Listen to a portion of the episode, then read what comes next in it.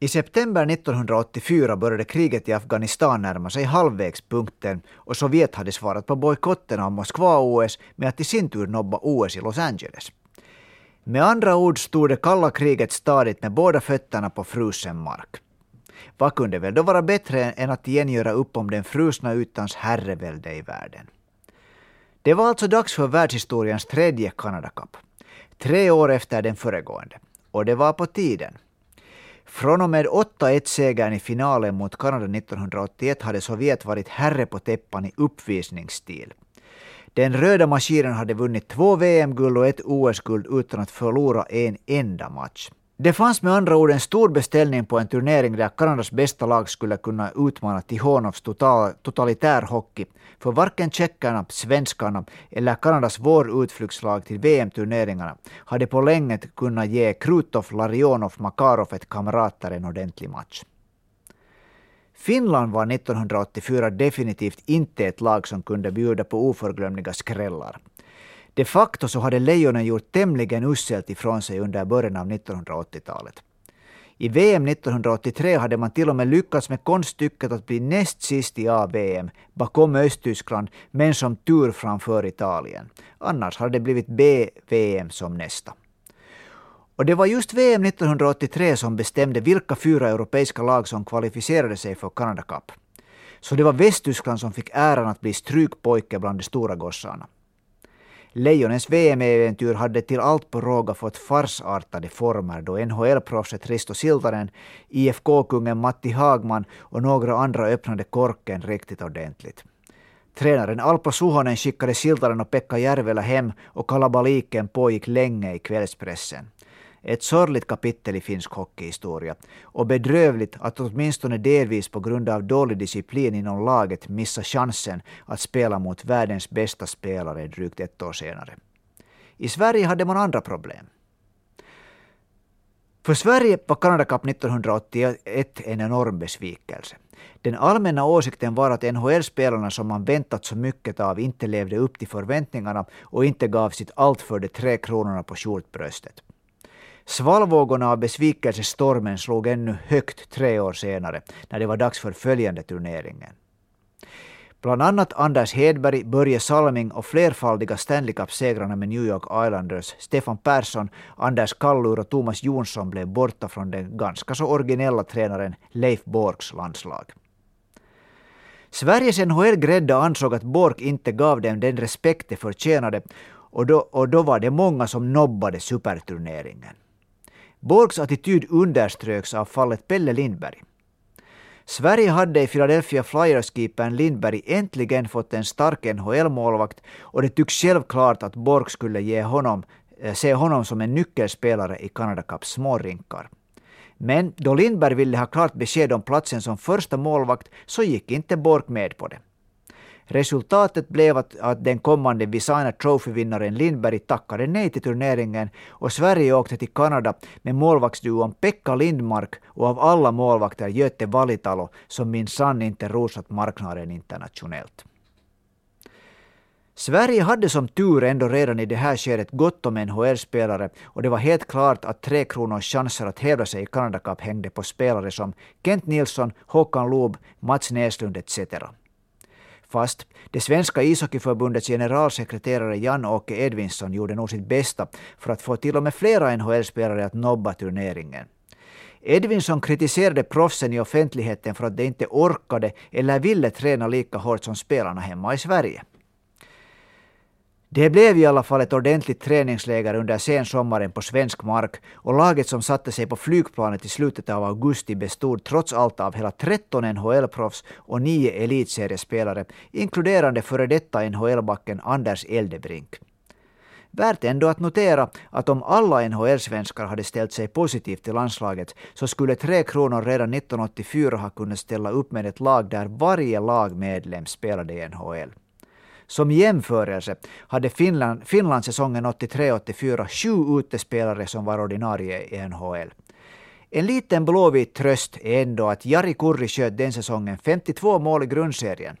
Det svenska NHL-rekordet är faktiskt idag som är Håkan Loobs 50 mål för Calgary Flames säsongen 87-88. Om Tre Kronor hade vikt ner sig ordentligt i föregående Canada Cup så gällde exakt det motsatta för Sovjet som ju sopade isen i finalen med värdnationen. Men nu var de regerande mästarna på väg till turneringen utan sina två tyngsta försvar, försvarspjäser. Målvakten som förorsakat Kanadas superstjärnor gråa hår både i Summit Series matchserien 72 och Canada Cup 1981 och blivit något av en mytisk mardröm för Lönnlöven var borta. Vladislav Tretjak hade pensionerat sig efter sitt tredje OS-guld tidigare samma år. Tretjak hade varit Sovjets sista lås under hela den nya eran som det hade spelats matcher mellan Sovjet och de nordamerikanska proffsen. I Europa ansåg man att Tretjak kom, kom kanske ganska lätt undan bakom ett överlägset lag och de tjeckoslovakiska målvaktsstorheterna Jiri Holecek och Vlado Zurilla hade kanske ett mer, legend, mer legendariskt rykte på den här sidan av Atlanten än Tretjak. Men i Kanada var Tretjak den största europeiska spelaren alla kategorier. Till en del kanske det hade att göra med att man ville förklara Kanadas problem mot Sovjet med en övermänsklig målvakt som tog i det närmaste alla skott. Men nu var Tretjak borta och duon Vladimir Mysjkin och Alexander Tushnik förorsakade ingen skrämselhicka i Kanada. Borta ur laget var också laget fantastiska första femmas betongfot, åtminstone Europas om till och med inte världens bästa back under 80-talet, Vjatislav Fetisov. En annan back Vladimir Zubkov fick därmed för det mesta bära ansvaret av att bilda backpar tillsammans med den andra backgiganten Alexej Kasatonov. Men om Sovjets bakre led lidit förluster så var lagets anfallsarsenal rena dynamiten. Krutov, Larionov och Makarov hade nått sin toppnivå. Hjälten från 1981, Sergej Shepelev, var tillbaka. 23-årige Dynamo Moskva utan Sergej Svetlov hade brutit sig in i landslaget i OS föregående vinter. Och så hade Sovjet någonting helt speciellt. En för Canada Cup skräddarsydd tacklingsglad kedja med Sovjetligans alla tiders mest utvisade spelare Vladimir Kovin som center. Flankerad av Mihail Varnakov och Alexander Skvortsov. Hela trion från periferiklubben Torpedo Gorki. Viktor Tihonovs och Vladimir Jursinovs hockeymaskin var med andra ord tonad för den lilla rinkens utmaningar och färdig att försvara sin position som regerande Canada Cup-mästare. Samtidigt i värdnationen Kanada var inte mycket som förut. Uppstickarlaget från Albertas prärier, Edmonton Oilers, hade på våren brutit New York Islanders fyra år långa Stanley Cup-svit. Oilers utklassade Islanders i finalserien med 4-1 i matcher efter att ha vunnit de tre sista finalmatcherna med sammanlagda målskillnaden 19-6.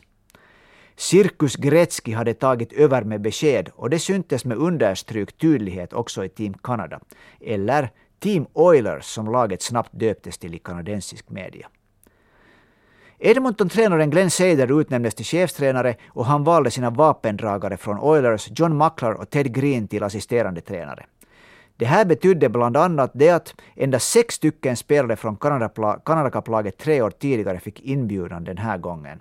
Målsprutan Mike Bossip, en av de sista hjälmlösa mohikanerna Boston-snipern Rick Middleton och Edmonton-kungen Gretzky samt tre av hockeyhistoriens bästa backar Larry Robinson, Raymond Bork och New York Islanders-kaptenen Denis Potvin.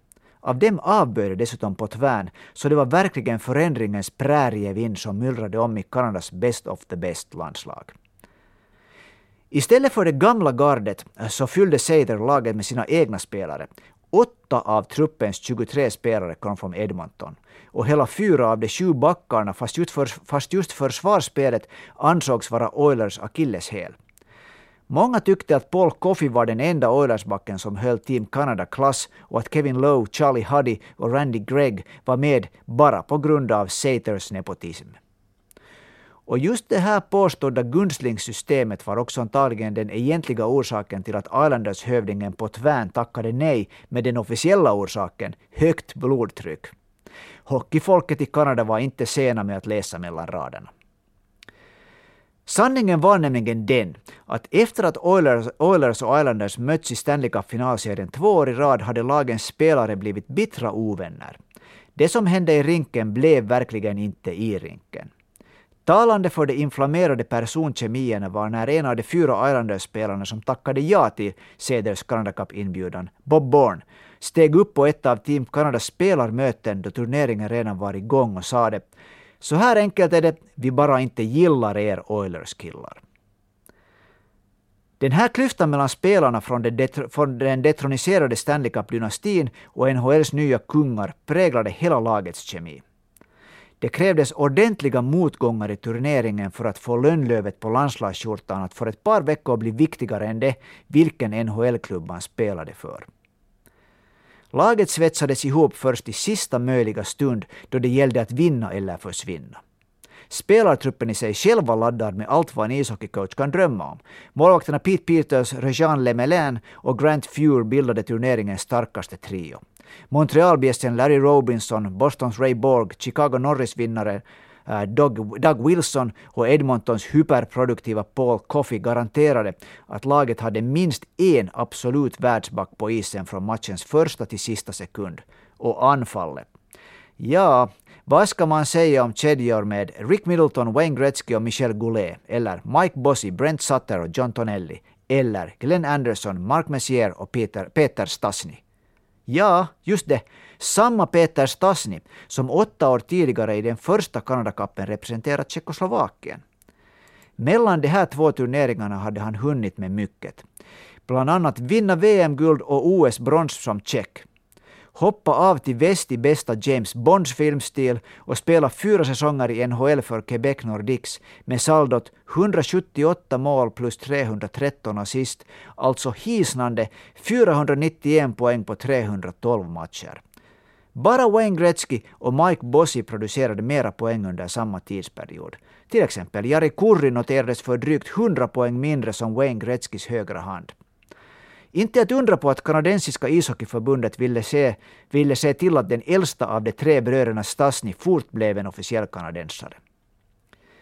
Den som känner till sann sagan om Slovakiens största spelare någonsin vet att Peter Stasny ännu hann med att spela för Slovakien i OS 1994 med kaptenens C på bröstet.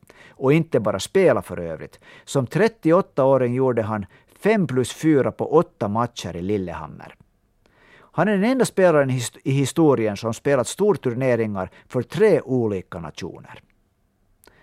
Men här gäller det alltså Canada Cup anno 1984 och Peter Stasny var faktiskt inte den enda med nytt pass i den turneringen. Mike Bossis center i New York Islanders och Canada Cup 1981, Brian Trottier, kom till turneringen som USAs första center. Och det var en stor grej i Kanada. I den föregående Kanadakappen hade Trottier stått för 11 poäng på sju matcher och, i NHL hade han precis bakom sig en säsong där han producerat 111 poäng på 68 matcher. Så han hade varit självskriven andra center efter Gretzky i Team Canada. Men Saskatchewan-sonen Trottier var och är också indian och då har man automatiskt rätt till både USAs och Kanadas pass. Nu ville han representera det land där han gjort hela sin proffskarriär. I Kanada såg man honom ändå som en fanflykting och där var han minsann inte populär. Eftersom ju kuppen spelades i Kanada blev Brian Trottier utbuad i princip varje gång han rörde pucken under hela turneringen. Men för USA kom han såklart som en gåva från ovan. Han var självskriven första center i ett USA som delvis tack vare just, just honom nu första gången hade ett riktigt bra lag. Speciellt försvaret där NHLs bästa målvakt säsongen 83-84, Tom Barrasso, hade framför sig bland annat regerande Norris Trophy-vinnaren Rod Langway, Phil Housley och en ung Chris Chilius var redo för framgång. USA gjorde sedan också en stark grundserie i turneringen som körde igång den 1 september med att just USA totalt körde över Sverige med 7-1 i Halifax. Den utbuade Brian Trottier sköt turneringens första mål efter bara 25 sekunders spel. Chockstart med andra ord för Leif Borgs Tre Kronor. Och chockresultat hit och dit var egentligen typiskt för hela den här årgången av Canada Cup. Sverige karpade upp sig ordentligt efter öppningsmatchens förnedring. Redan i sin följande match utmanade Sovjet hela vägen till slutsignalen. Tre Kronor till och med fick mera skott mot Vladimir Myskins mål än vad den röda maskinen avfyrade mot Pekka Lindmark. Men 3-2 vann Tihonovs mannar i alla fall och tog därmed sin 40 raka seger över Sverige. Men i match nummer tre lyfte sedan Tre Kronors turnering ordentligt. En chockad hemmapublik i Vancouver fick se Petter Andersson, Thomas Sandström, Anders Eldebrink och Bengt-Åke Gustafsson sänka Lönnlöven. 4-2 till 3 kronor och den lite trögt startande Volvo Dieseln var på gång. I sina resterande seriespelsmatcher slog Sverige Västtyskland och Tjeckoslovakien med samma 4-2-siffror, slutade trea i serietabellen och knep därmed en semifinalplats. Det gjorde till slut också hemmanationen Kanada, som verkligen underpresterade i seriespelet. Segrar bara mot Västtyskland och ett ovanligt håglöst Tjeckoslovakien. Mot USA blev det oavgjort, som sagt förlust mot Sverige och en verkligt svidande 3-6-förlust mot Sovjet i halvguden Wayne Gretzkys hemmahall Edmontons Northland Coliseum. Den matchens hjälte hade också en nia på ryggen, men bara en.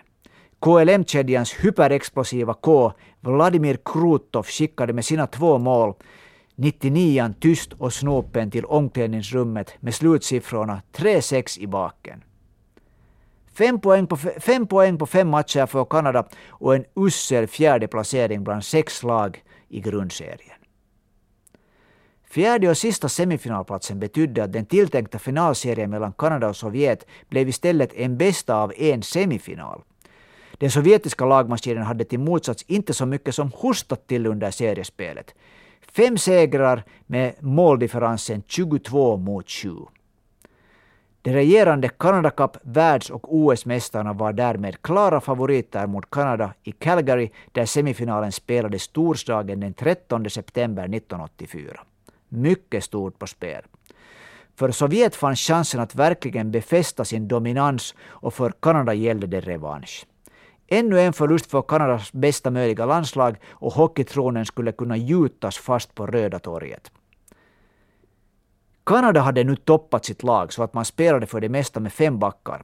Lagkaptenen Larry Robinson, Paul Coffey, Ray Borg, Kevin Lowe och Chicagos Doug Wilson. Sjätte spelande backen var Charlie Huddy. I anfallsväg hade Washingtons målspruta Mike Gartner flyttats till tredje kedjan med Oilers-duon Glenn Anderson och Mark Messier. Medan fjärde kedjan bildades av Peter Stasny, Islanders defensive center Bob Bourne och Minnesota Northstars unga Brian Bellows. En annan yngling, Steve Eiserman, fick ännu i det här skedet av karriären nöta bänken. Målvaktsvalet då det gällde vinna eller försvinna föll på Boston-keepern Pete Peters. Sovjet hade vunnit fem matcher av fem, så det fanns inga orsaker för Viktor Tikhonov att möblera om i laget. Den tilltänkta första målvakten Vladimir Myskin stod nu i målet istället för Alexander Tyschnyk som tre dagar tidigare spelat i segermatchen mot Kanada i grundserien i samma hall. Och som så ofta då det gällde ödesmatcher mellan Sovjet och Kanada så blev e- även det här en hyperintensiv, ständigt fram och tillbaka böljande adrenalinbomb. I första perioden sköt båda lagen tio skott på mål, men det stod 0-0 i periodpausen. Sju minuter och elva sekunder in i andra perioden lyfte sedan taket i Saddle Dome då Kanadas powerplay levererade. John Tonelli målskytt. 1-0 efter två perioder och hemmapubliken fick finalvittring. Men Sovjet kom tillbaka med två mål inom två minuter under tredje periodens första halva. Sergej Svetlov sprätte upp pucken i måltaket i spel 5 mot 4. 1-1. En minut och 49 sekunder senare tvinnade Sergej Makarov upp hela kanadensiska försvaret och det stod plötsligt 2-1 till Sovjet. Men sen var det Kanadas tur att komma tillbaka. I periodens fjortonde spelminut bjöd Gretzky med kedjekompisarna Goulet och Middleton Sovjetfemman på en lång karuselltur runt Myskins bur som tog slut med att den barhuvade backen Doug Wilson kom från bakgrunden och sköt in kvitteringsmålet. Inte helt orättvist med utdelning. Kanada hade skjutit nästan dubbelt mera skott mot mål än Sovjet. 2-2 stod sig sen matchen ut och det var dags för den ultimata rysaren, sudden death i 20 minuters intervaller. Det var ju en värld som NHL-spelarna var vana med, men som ännu på 80-talet var i det närmaste totalt okänd terräng för Sovjetspelarna. Därför var det inte heller oväntat att Mike Bossy styrde från luften in Paul Coffeys skott 12 minuter och 29 sekunder in i första förlängningen. Ett klassiskt slutspelsmål. Pucken mot mål, skym målvakten och gör en styrning. Och så var Kanada i final. Det rödklädda spöket var besegrat. Motståndet skulle Sverige stå för.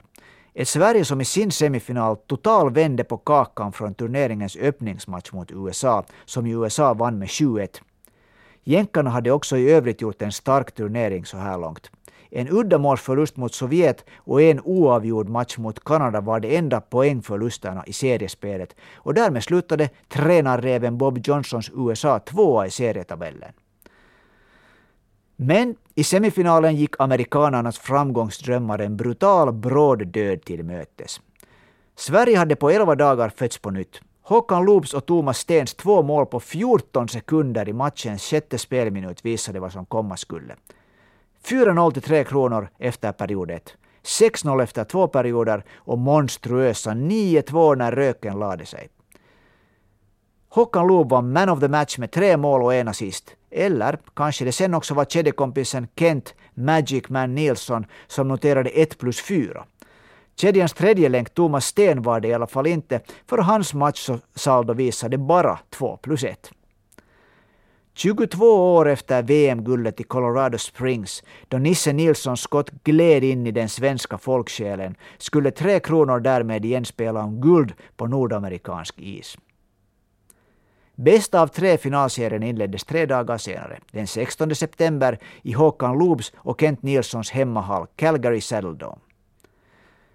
Om Kanadas lag hade hittat sin slutliga uppställning och harmoni först i semifinalen så hade Tre Kronors lagmaskin trummat på stadigt sedan segern mot just Kanada tio dagar tidigare.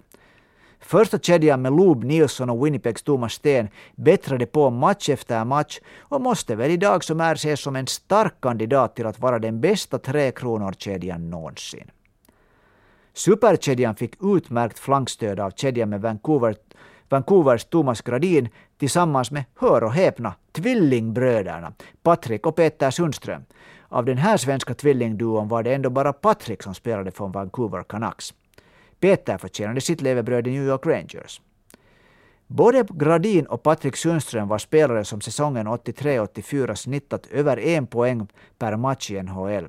Så Tre Kronors toppkedjor var laddade med offensiv styrka. Lägg hit till ännu Mats Näslund samt Bengt-Åke Gustafsson som båda säsongen 83-84 snittat runt en poäng per match så blir bilden av hur urstarkt i anfallsväg Tre Kronor med NHL-spelare var redan för över 30 år sedan. Men Kanada var ännu starkare. Nu när Lönnlövsoperans alla divor äntligen börjat hålla samma ton Håkan Loob inledde visserligen finalseriens målskytte, men efter det gjorde Mike Gartner, Rick Middleton och två gånger Michel Goulet fyra mål för hemmalaget. Slutligen 5-2 till Kanada, vars första kedja med Middleton, Gretzky, Goulet stod för hela sju poäng, medan Sveriges paradkedja fick nöja sig med tre poäng. Här var det verkligen fråga om best of the best. Den andra finalen var en av de mest besynnerliga matcher någonsin på denna nivå. I Sverige har man i över 30 år ansett att Sverige spelade ut Kanada i två perioder och matchen ska vara beviset för att Tre Kronor kunde ha vunnit turneringen. För en sådan åsikt ska man nog ha extremt blågula glasögon. Det här var nämligen vad som hände i verkligheten. Kanada avgjorde matchen i praktiken under matchens första sju minuter. Två minuter spelat, 1-0 Mark Messier. 4.39, 2-0 Wayne Gretzky. Sex minuter prick, 3-0 Larry Robinson. 7-13, 4-0 John Tonelli. Sverige kom knappt över sin egen blå linje före de här siffrorna skrevs på resultattavlan. 5-1 stod det slutligen efter period 1. Paul Coffey sköt sedan ännu 6-1, 4.39 i andra perioden. Och jo, då lyfte Kanada på gaspedalen. Och jo igen. Sverige kom i andra periodens sista minut på riktigt in i matchen då Thomas Sten reducerade till 4-6. Men att Sverige skulle ha varit nära att vinna matchen är nog en mysig och präktig kanelbulleberättelse. I tredje perioden fick Sverige bara sex skott mot Pete Peters mål. Det första av dem gick in då bara 1.40 var spelat av period 3. Så Sverige hade dryga 18 minuter på sig att utjämna matchen, men det hände aldrig. Jag vill påstå att så länge ett fullblods kanadensiskt kärnlag leder en match så känner de sig bekväma. Under de fyra första perioderna i finalserien hade Kanada utklassat Sverige med 10-3 i mål. Och när de åkte till första periodpausen i en 5-1-ledning så kan man förstå att en stor del av glöden för att kämpa och dominera försvann. Först en svensk kvittering och händelserna därefter hade på riktigt visat om Tre Kronor hade i sig vad som behövdes för att utmana. Den kvitteringen kom aldrig och Kanada vann finalserien med 2-0 i matcher.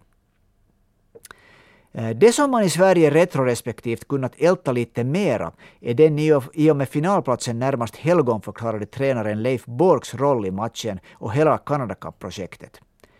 I det som väl kan kallas för den, den då viktigaste matchen i svensk hockeyhistoria valde han att ge målvaktsansvaret till Björk, Björklöven-målvakten Göte Valitalo som inte hade någon rutin av matcher mot nordamerikanska NHL-spelare i liten rink. Vidare placerade han blott 20-åriga och ännu på den här nivån obeprövade Brynäs-forwarden Thomas Sandström i kedjan med tvillingarna Sundström istället för garvade NHL-proffset Thomas Gradin och splittrade därmed en enhet som fungerat bra genom hela turneringen.